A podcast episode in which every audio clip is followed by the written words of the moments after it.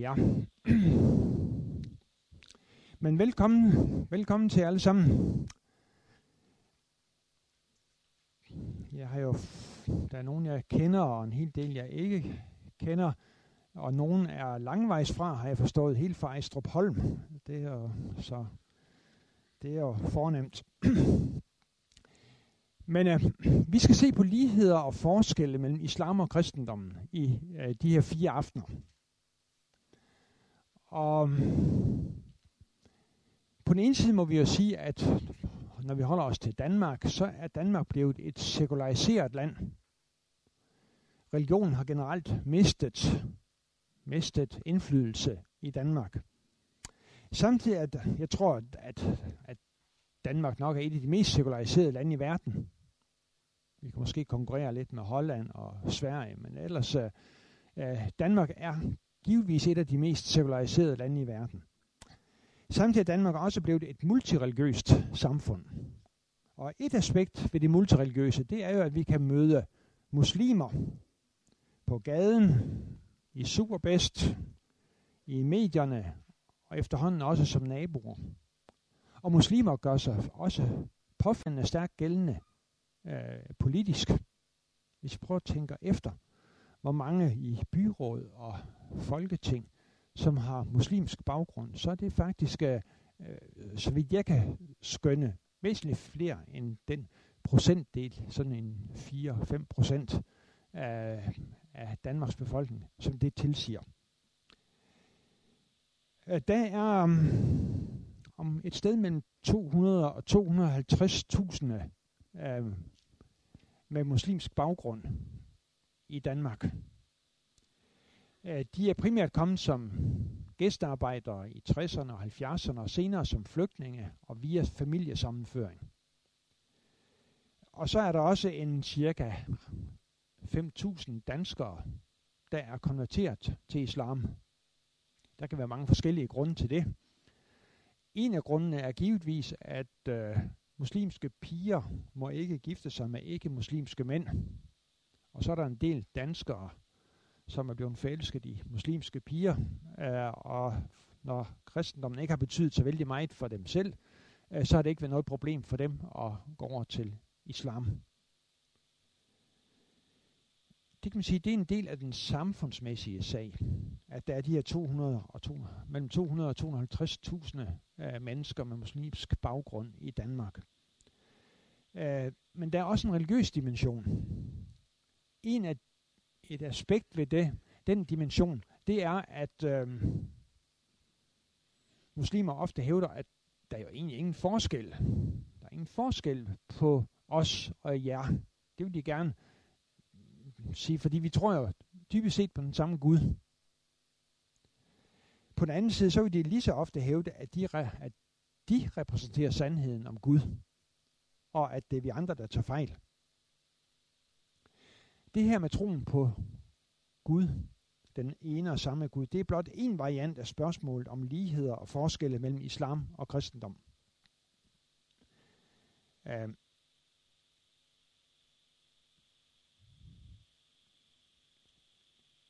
og det er altså den, det, er det vi vil tage op her, det er altså forskelle og ligheder mellem islam og kristendom. Uh, hvor langt kan vi gå sammen hvor, går, hvor er forskellene? Hvor må vi, vi gå hver til sit? Hvor tæt ligger kristendom og islam op ad hinanden? Det er altså øh, det, vi vil øh, se på her. Og i løbet af de her fire annoncerede aftener, så er der øh, tre aftener, hvor vi vil se på den, det vi kunne kalde den religiøse dimension. Det er de aftener, der handler om Muhammed og Jesus, Koranen og Bibelen og Guds forståelsen. Og så er der et tema, der hører mere hjemme ind under det, det, man kunne kalde det samfundsmæssige, nemlig spørgsmål om menneskerettigheder og demokrati. Og det er det sidste, vi vil tage op. I har jo på en måde fået lektier for her. I hvert fald har jeg øh, øh, nævnt anbefalede sider til de forskellige aftener. Uh, og det betyder, at jeg i en vis udstrækning vil uh, forudsætte, at I har, har har læst det, så jeg ikke vil gå ind på det hele. Øhm, på den anden side, så øh, vil jeg ikke slavisk følge gangen i øh, lydighed eller lovsang.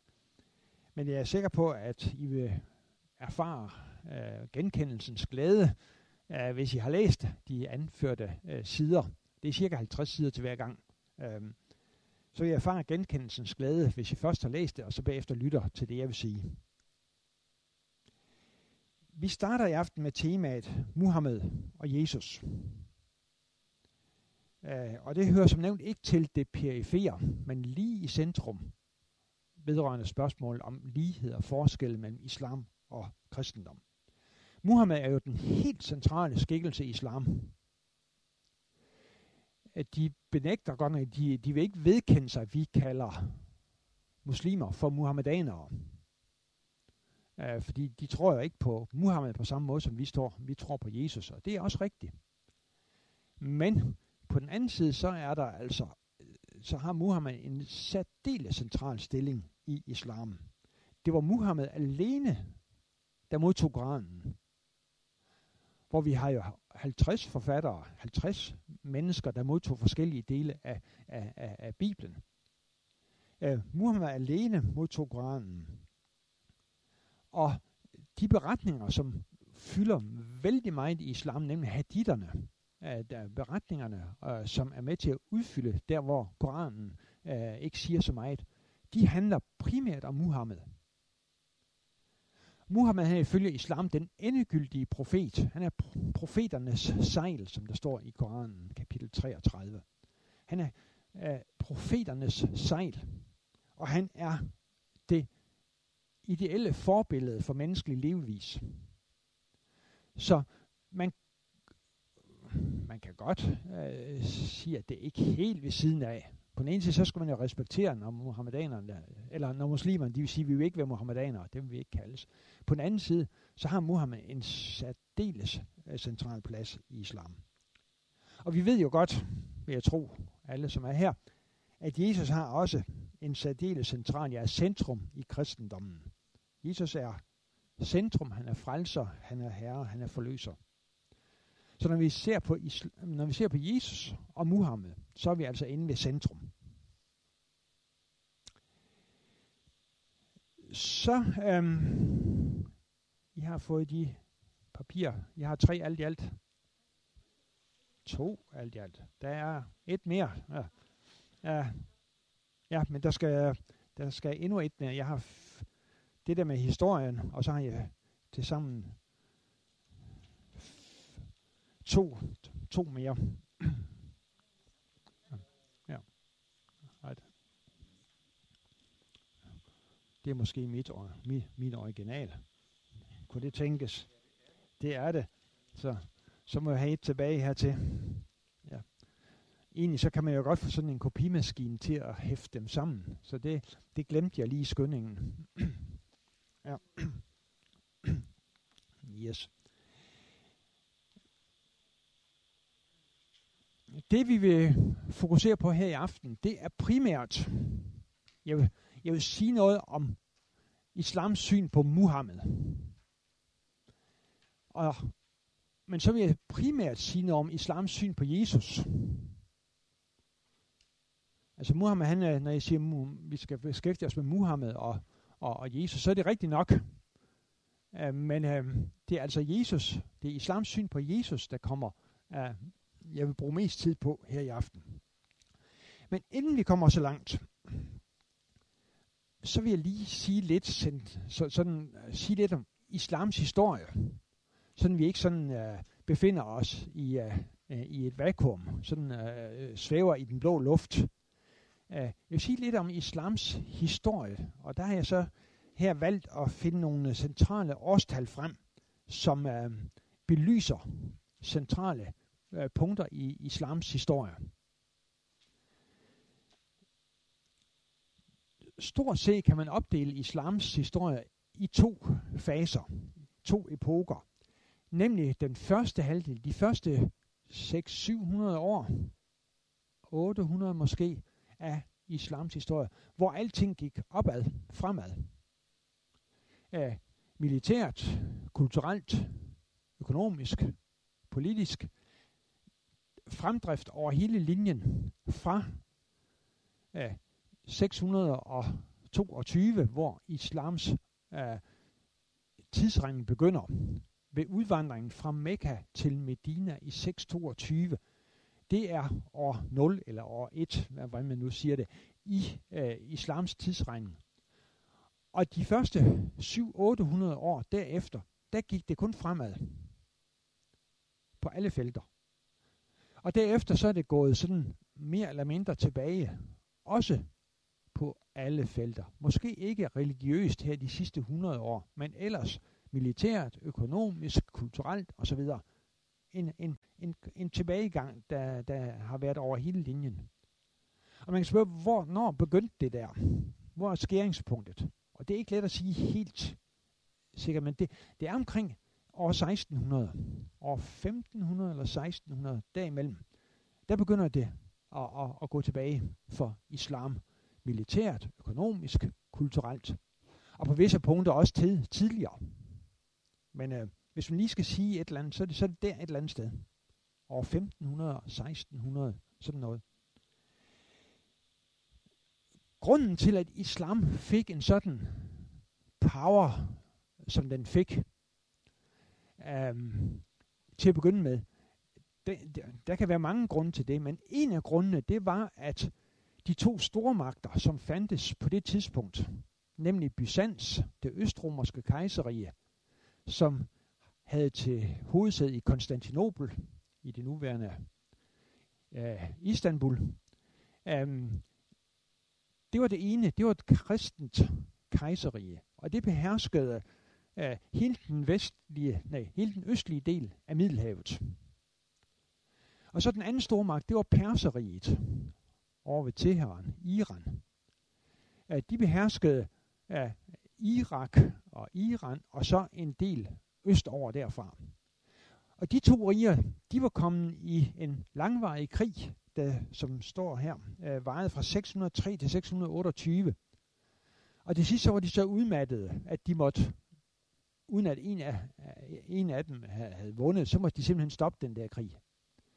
Og det var lige præcis på det tidspunkt, hvor så Muhammeds tropper, som ikke overhovedet i mandtal og, og, og styrke, ellers ville kunne have, have hamlet op med dem, hvis de havde været på deres fulde øh, krigspotentiale, øh, de andre stormagter. Øh, der kunne de komme til, fordi at der var simpelthen et militært og politisk vakuum i Mellemøsten, øh, som øh, islams tropper kunne udnytte. Og det gjorde de med stor succes. Øhm, Muhammed han døde i 632. Og allerede 25 år senere, i 656, der stod de muslimske tropper, der er de besejret af øh, Perseriet og Byzans, af sådan i hvert fald store dele af det, sådan at de stod ved grænsen til Libyen. Altså hele Ægypten var erobret. Hvis forestiller jer Arabien øh, i, i, i midten, øh, så var de gået mod vest og havde erobret Ægypten, og de var gået mod nord og havde erobret det, der nu er Palæstina og Syrien, og stod op i Kaukasus. Og de erobret af Irak og Iran og stod på grænsen til Afghanistan i løbet af 25 år.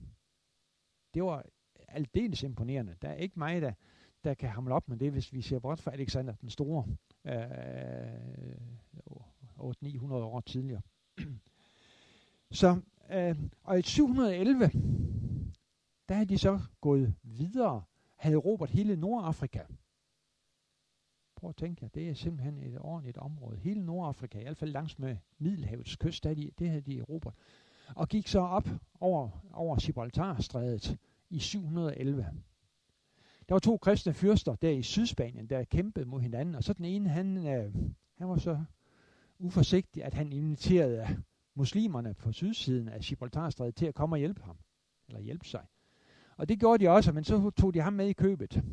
Uh, så de fortsatte op igennem Spanien og blev først stoppet i øh, uh, 732. Det er et, et årstal, som er meget let at huske, fordi det er altså 100 år efter Muhammeds død.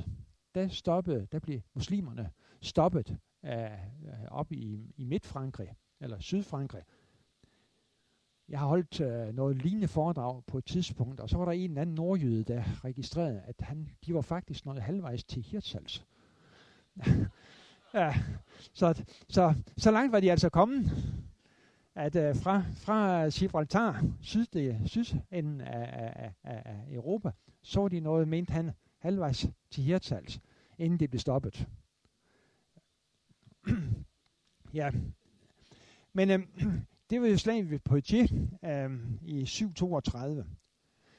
Hvis vi holder os til islam i den vest, Vesteuropa, så var det så langt, som de nåede, og så blev de derefter langsomt trængt tilbage. Og i øh, 1492 blev de fortrængt fra Spanien, sammen med jøderne i øvrigt.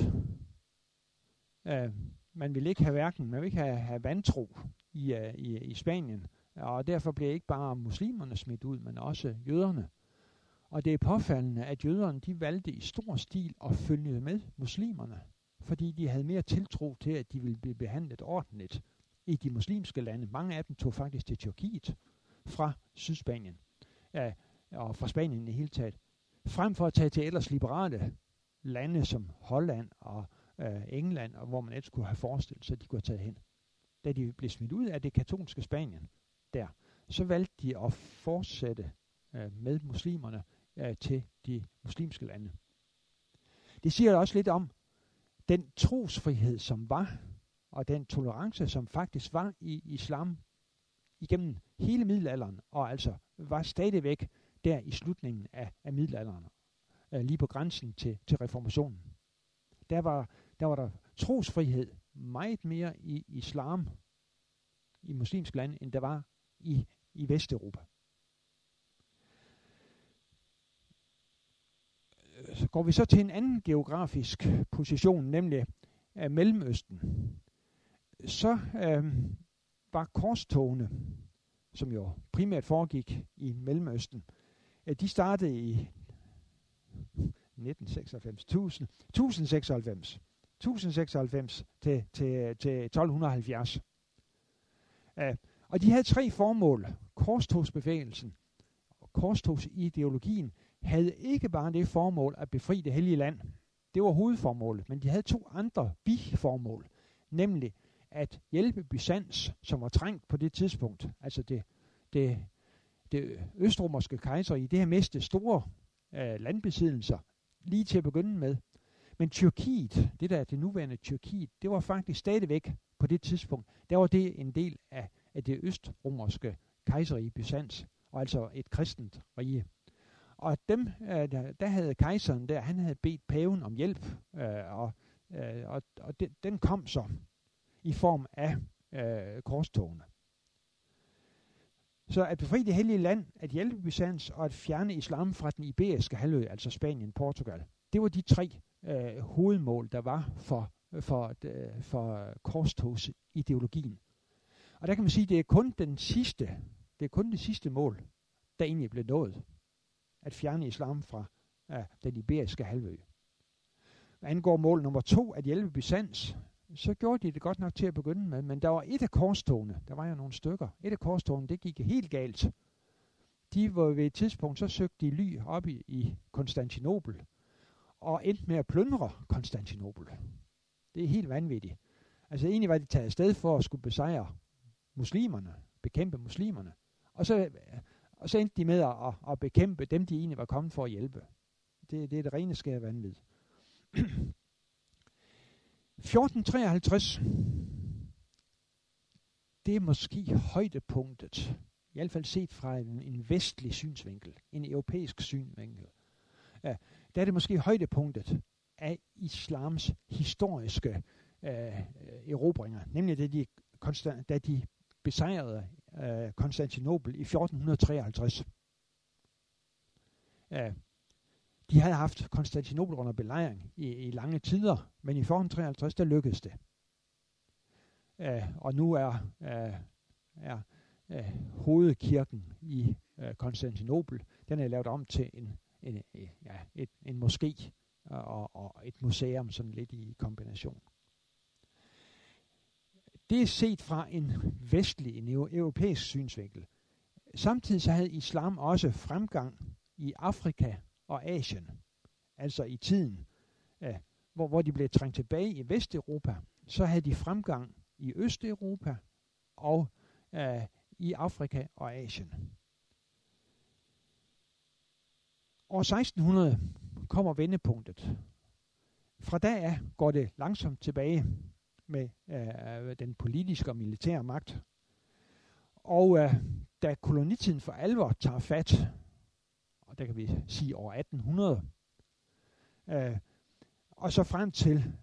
verdenskrigs afslutning, øh, der ender det med, at store dele af øh, Øh, den muslimske verden faktisk kommer på vestlige hænder under vestlig kontrol. Alle lande, minus Tyrkiet og Afghanistan, og på en vis måde Saudi-Arabien, men de var heller ikke helt fri for engelsk indflydelse. Øh, bortset fra Tyrkiet og Afghanistan, så så vidt jeg ved, hele det muslimske område, det er på en eller anden måde under vestlig dominans. Og det har jo altså været en, et, et slag i ansigtet på muslimerne, fordi jeg har altid ment, at islam er sat her i verden for at sejre, for at dominere. Så det har altså det, det har været det var det var virkelig et slag mod den muslimske selvforståelse, at stort set hele øh, den muslimske verden øh, var under vestlig dominans. Og vi må sige, at Første Verdenskrigs resultat, det var jo en katastrofe set fra en muslimsk synsvinkel.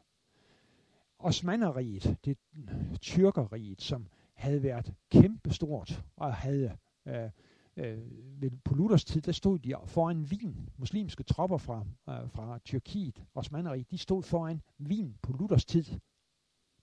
Øh, øh, de blev nu, det var også Osmaneriet faldt sammen, og store dele kommer under engelsk og fransk dominans.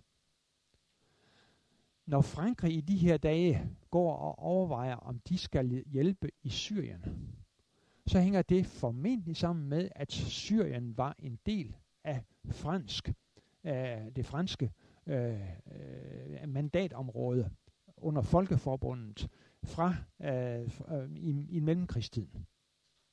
Så franskmændene, de har altid haft en, en særlig, eller lige siden der har de haft en særlig forkærlighed for Syrien. Og derfor tror jeg, er englænderne mere eller mindre ligeglade med Syrien. Det har de, det har de ikke nogen uh, historie sammen med, men franskmændene har en historie sammen med Syrien. Helt op til efter 2. verdenskrig.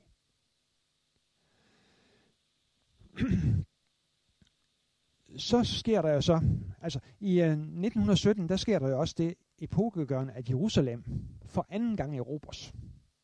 Eller, det blev erobret om korstogstiden, og så blev det erobret igen af engelske tropper i 1917. Og det, var, altså det, det er jo slag i ansigtet på muslimer, ja, fordi ja, Jerusalem er også fra muslims synsvinkel en hellig by. Og det, at den blev erobret efter at have været under muslimsk herredømme i 700 år siden den sidste korstog, og frem til den 1917, øh, det, var, det, var, det var ikke godt. Og i 1924 så bliver kalifatet nedlagt. Og der har faktisk lige fra Muhammeds tid, lige fra Muhammeds død, så har der været et kalifat, altså et politisk, religiøst, men mest politisk øh, apparat øh, med en slags politisk muslimsk kejser, som har siddet øh, øh, og, og regeret i store dele af den muslimske verden. Så for første gang siden Muhammed ophørte det i 1924, da Kemal Atatürk, efter at øh, øh, Tyrkiet var, var blevet øh, slået og var blevet skiftet om til at blive et sekulært land, øh, øh, så, så nedlagde han øh, kalifatet og sagde, at nu skulle Tyrkiet regeres på vestlig vis. I 1948, der blev staten Israel oprettet. Det var ikke godt set fra en muslimsk synsvinkel. Seksdagskrigen var næsten endnu værre. Der lykkedes det altså et lille land som Israel at besejre en række af de omkringliggende landes hære.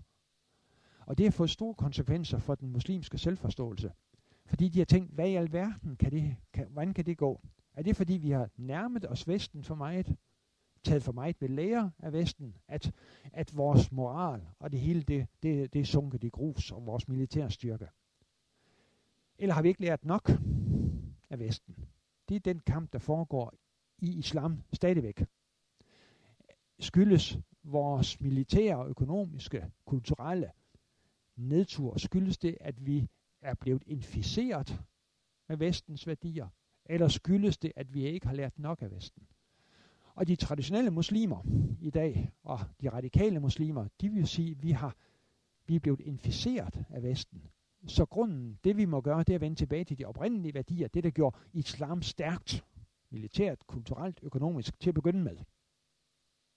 Så det er den kamp, der foregår. Nogle vil sige, og det er de radikale, de vil sige, vi skal fornægte de vestlige værdier ja, og vende tilbage til det oprindelige. Så vil vi blive stærke, som vi var engang. Andre vil sige det modsatte. Det man så har kunne glæde sig over i islam, det er den islamistiske, eller den islamiske revolution i Iran øh, øh, i øh, øh 1979, altså Khomeini. Og så har jeg kommet galt igen med de her tal her. Det er så 2001 uh, øh, Twin Towers uh, angrebet på Pentagon uh, uh, og, og, og Twin Towers i, i New York. Det, det er også noget af det, der for nogle muslimer har vist, at vi kan nok, selvom hovedparten af muslimer, i hvert fald i den vestlige verden, de har taget afstand fra terrorangrebet i 2001. Det er ligesom for at sige lidt om, om hvordan det er gået. Altså, til at begynde med, en lang optur på alle fronter. Efter år 1500-1600, ja, efter at man fandt søvejen syd om Afrika, så man kunne hente, uh, hente alle mulige øh, krydderier og alt andet, øh, og, og, øh, øh uden at skulle igennem muslimske område, nemlig syd om Afrika.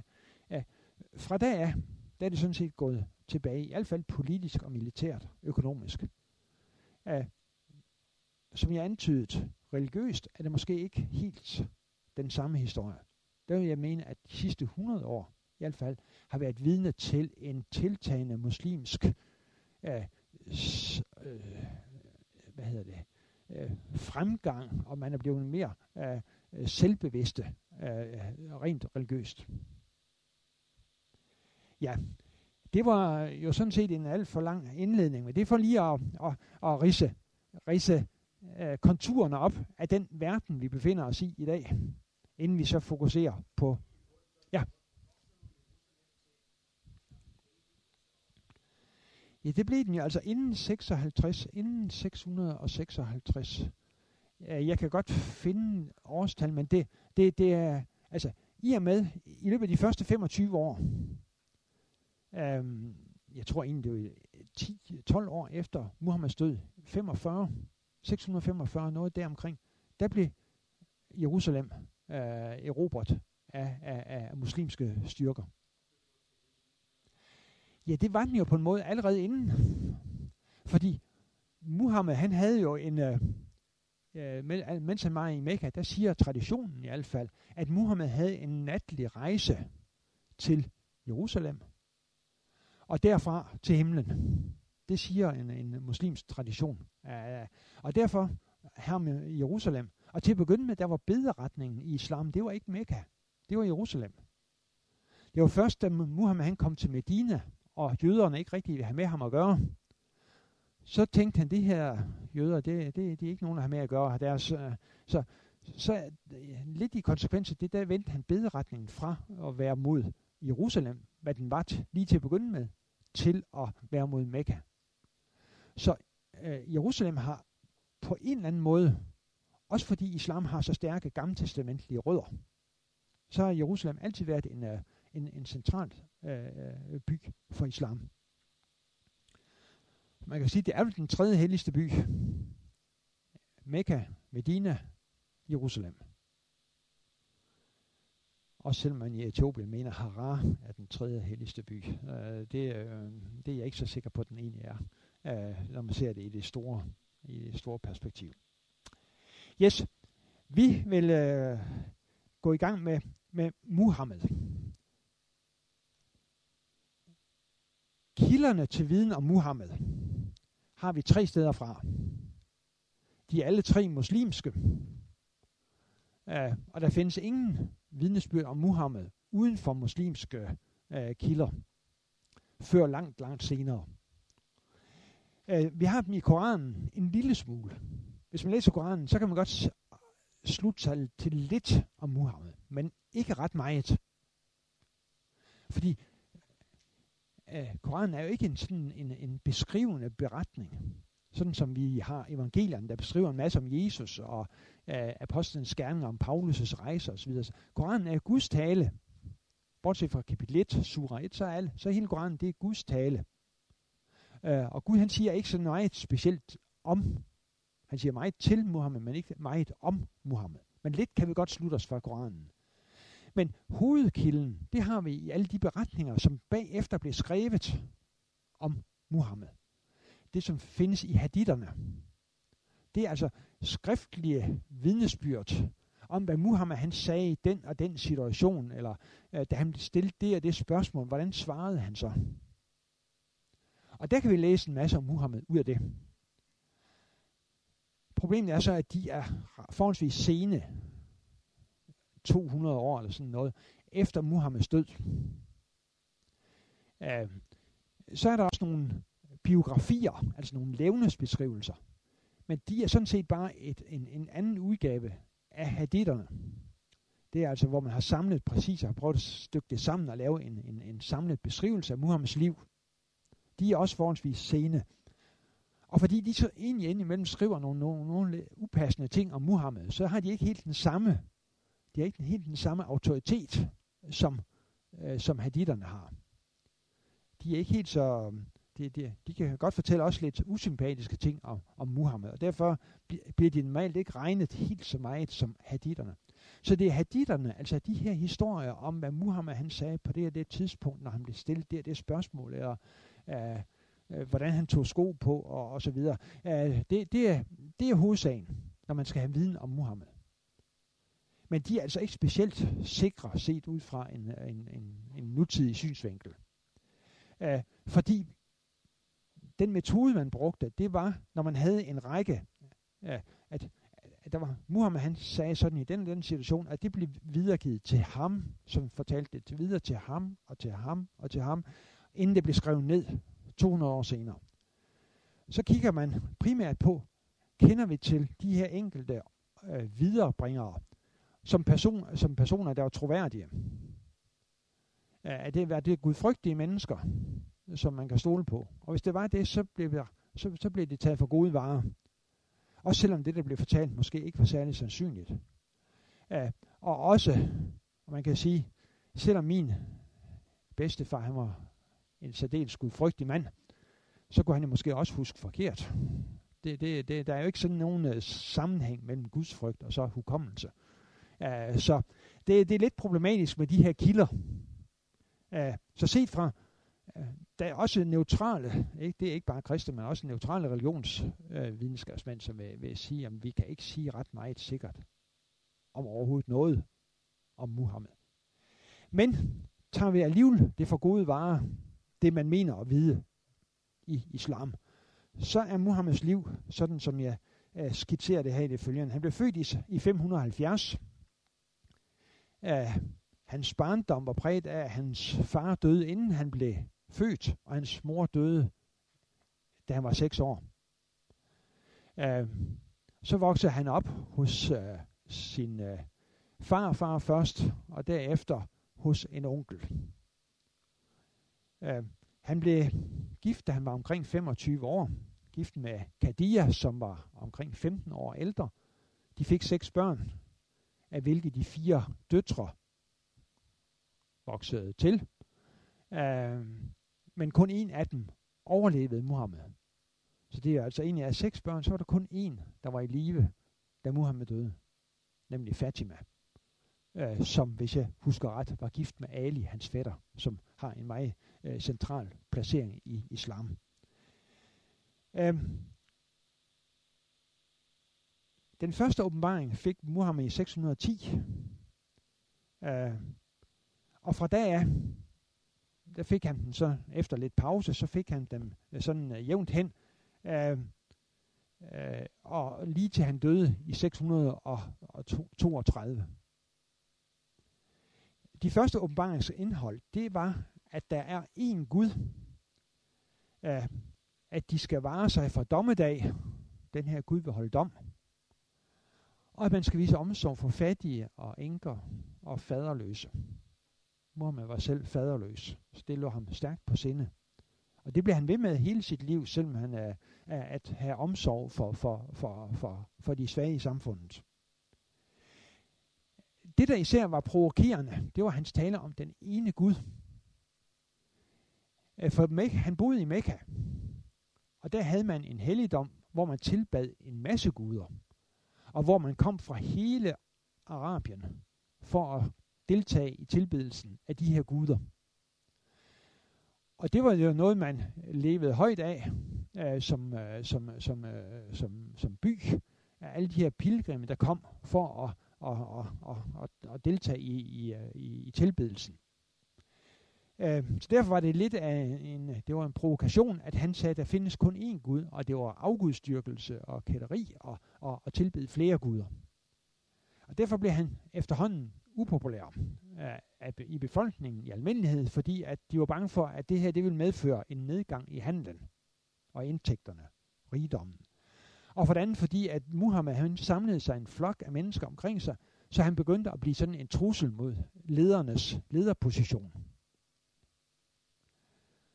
Det er ligesom når et politisk parti, hvis der lige pludselig dukker en kronprins op, som uh, vil noget andet.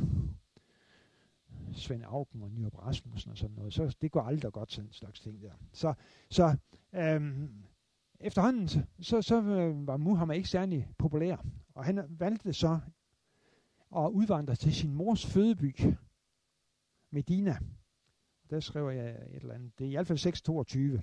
Øh, jeg har skrevet forkert her udvandringen til Mina, Medina sker i 622, og som sagt, det er islams fødselsdag. Uh, I 622, uh, der er, der, det er år 0 eller år 1, hvad man siger, uh, og fra der af regner islam deres, der, deres, uh, deres tid. I Medina, det skal også siges, at uh, Muhammed, han blev, man, an, man mente, at han, uh, Øh, der, traditionen siger, at man forsøgte at snigmyrde ham på vej ud af Mekka, på vej til Medina. Øh, øh, I Medina så blev Muhammed ikke bare profet, men han blev også statsminister og militærchef. Øh, og han ændrede lederstil på det indre og på det ydre plan. Øh, yderst set, så blev han meget mere militant. Jeg skriver i min bog, at han indledte en karriere som landevejsrøver. Det vil muslimerne ikke synes er særlig pænt sagt. Uh, men uh, det mener jeg egentlig, at det er vanskeligt at skelne hans stil fra, fra uh, en landevejsrøver også. Uh, på det indre plan, altså internt i Medina, der blev han også efter han havde været særdeles tolerant i Mekka, så i Medina, da han lige pludselig fik magt eller ansvar, så var han uh, meget mere øh, intolerant, end han øh, øh, havde været tidligere. Øh, og det gik ikke mindst ud over jøderne. Øh, der var to jødiske stammer, som blev smidt ud, og en tredje øh, endte han med at massakrere alle mændene, mens kvinder og, og børn og ejendel blev fordelt blandt muslimerne.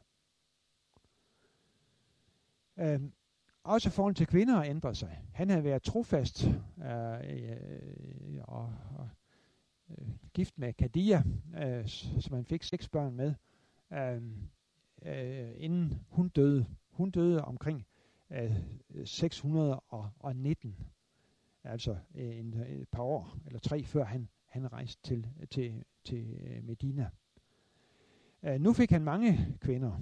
Øh, øh, det mest omtalte forhold, det er med Aisha, øh, som øh, var datter af en af hans betroede mænd, og øh, de, øh, de lavede kontrakt om, at Muhammed kunne gifte sig med Aisha.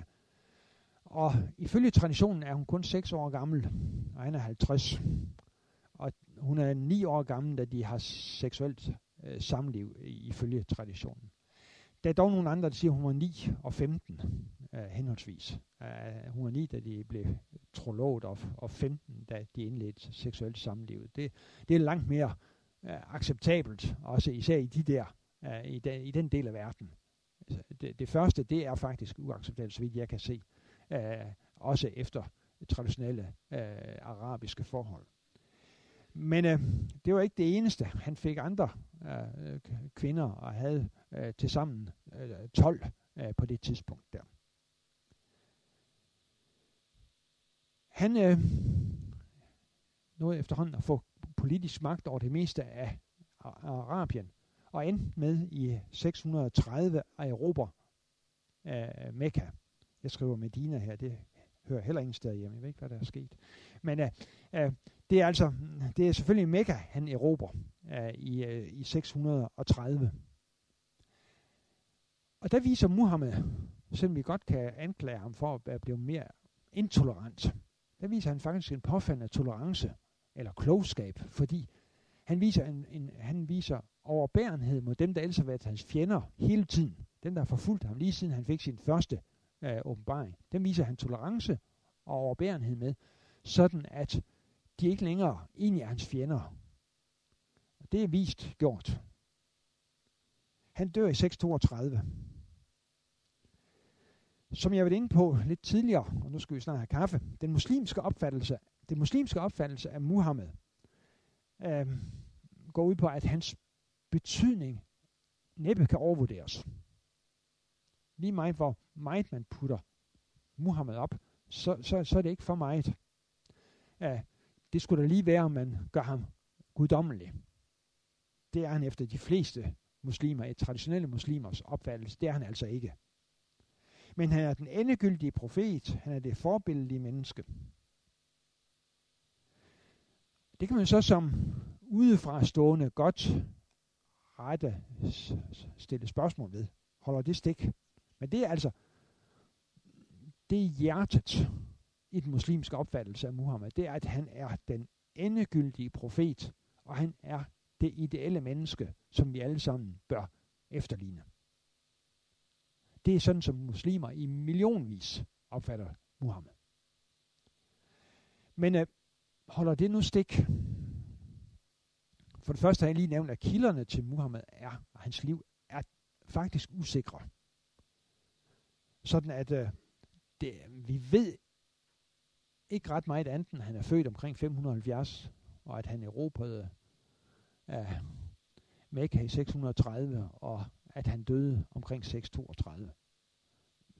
Alt andet, det, det, det, det, det, det forudsætter, at øh, en række øh, kilder, at de er troværdige, hvad de øh, øh slet ikke sikkert er. Øh, noget andet er, at muslimerne de vil hævde, at Muhammed han er forudsagt. Det er en del af deres, der, deres legitimering over for vi kristne ikke mindst. At Muhammed han er forsagt i det gamle eller det nye testamente. Og øhm, den tekst, man benytter sig af, eller de tekster, man benytter sig af, det er først og fremmest 5. Mosebog 18. 5. Mosebog kapitel 18, vers 15-18. 5. Mosebog 18, 15-18. Der står der, Herren din Gud vil af din midte lade en profet som mig. Det er Moses, der siger det. Herren din Gud vil af din midte lade en profet som mig fremstå for dig. En af dine egne, ham skal jeg adlyde. Det var det, du bad Herren din Gud om ved Horeb, den dag I var forsamlet. Og så lidt senere, jeg vil af deres egen midte lade en profet som dig fremstå for dem, og jeg vil lægge mine mund, mine ord i hans mund. Altså 5. Mosebog 18, 15-18.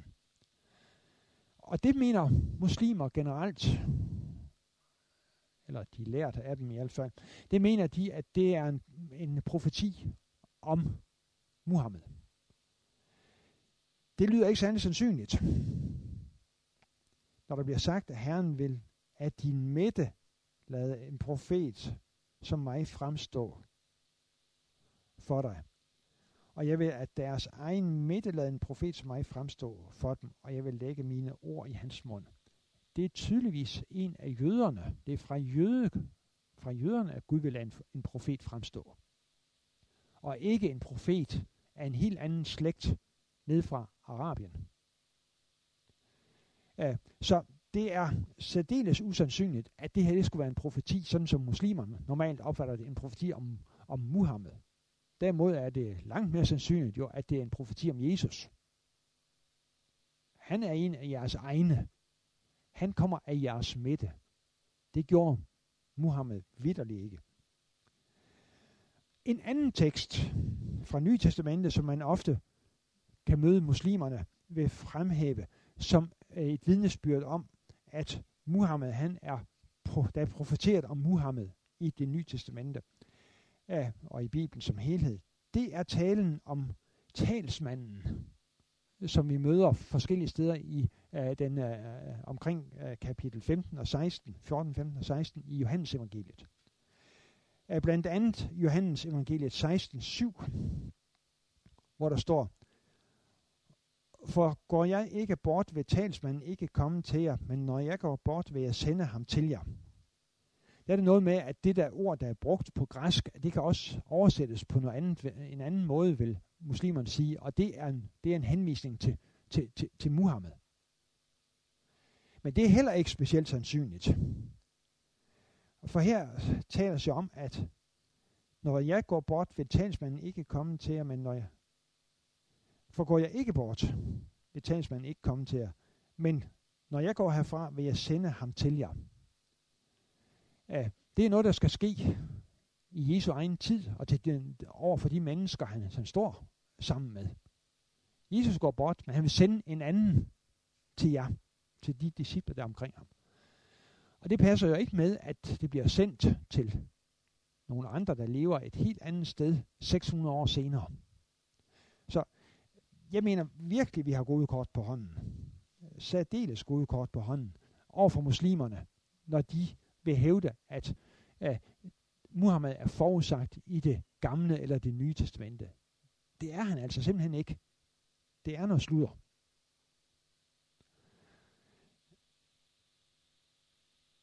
Så nævner jeg nogle andre ting her, og dem kan vi springe over. Øh, om den muslimske opfattelse af Jesus. Og så vil jeg bare nøjes med det sidste, inden vi når frem til det om Jesus. Men Muhammed var sikkert ikke værre end andre i samtiden. Det, tror jeg, det, det vil jeg godt lige understrege. At vi kan godt kritisere Muhammed for mange forskellige ting. Hans behandling af jøderne og så videre øh, i øh, Medina. Hans forsøg på at føre krig mod øh, karavanerne fra Mekka der hvor jeg kalder ham for en landevejsrøver. Han, hans øh, hans øh, tagen mange hustruer. Det er sikkert ikke anderledes end andre herskere på, øh, i datiden handlede. Det er først, når vi sammenligner ham med Jesus, at det for alvor bliver problematisk. I hvert fald hvis jeg hævde, at Muhammed han er et større forbillede, end Jesus er. Det er først, når vi gør det. Gør det. Ja, og Muhammed havde mange positive sider også. Han har uden tvivl været særdeles øh, veludrustet, øh, når han kunne være både profet og dommer og øh, præsident, herrefører øh, osv. man havde givetvis mange, og hans karakterstyrke, da han var alene i, i, i Mekka i, i øh, 12 år, fra han fik sin første åbenbaring i 610, til han udvandrede i 622, der var han stort set alene og fastholdt troen og forkyndelsen af én Gud midt i en sammenhæng, hvor man troede og forfulgte ham. Man troede på mange guder og forfulgte ham for troen på én Gud.